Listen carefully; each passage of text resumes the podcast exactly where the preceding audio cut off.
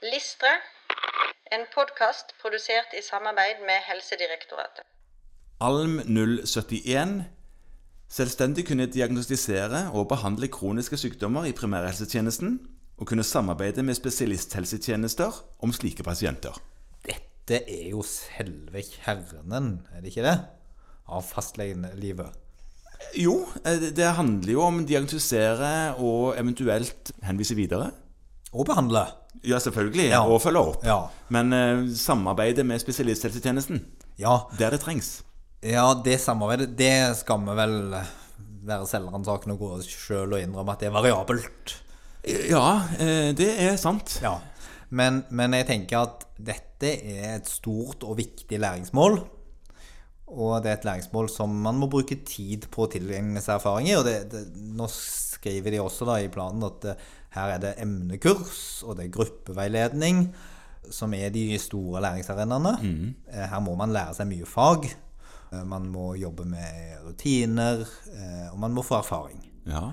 Så I tillegg så står det òg her da at det er et forslag til at man kan ha et faglig møte med spesialisthelsetjenesten. Ja, for det, det tenker jeg at eh, det læringsmålet her drar opp, er å kommunisere med spesialisthelsetjenesten på en annen måte enn det som man kanskje vanligvis tenker på, s- nemlig henvisninger. At man kan gjøre det på en annen måte òg.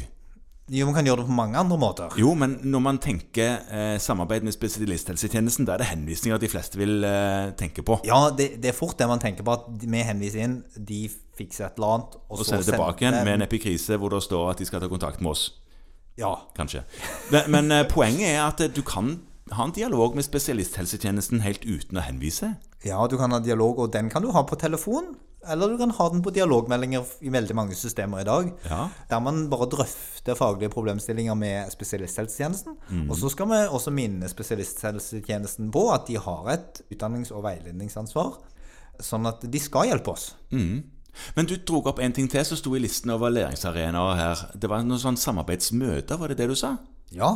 Ja. Eh, ut Fordi at man kan, kan ha en felles konsultasjon for eksempel, med spesialisthelsetjenesten. Ja. Kan man lære veldig mye av. Mm, jeg vet at i enkelte plasser så har det vært felles konsultasjoner som en slags opptakssamtale i forkant av eventuell psykiatrisk behandling. Ja, eller ved utskrivelse. Ja, det òg. Ja, og dette gjelder jo ikke bare psykiatrisk, men det kan også gjelde somatikk, der man på en måte tar et fellesmøte rundt litt komplekse kroniske sykdommer, hva som er lurt og ikke lurt. Og det er òg veldig bra i forhold til pasientbehandlingen mange ganger, at pasienten opplever at vi samhandler.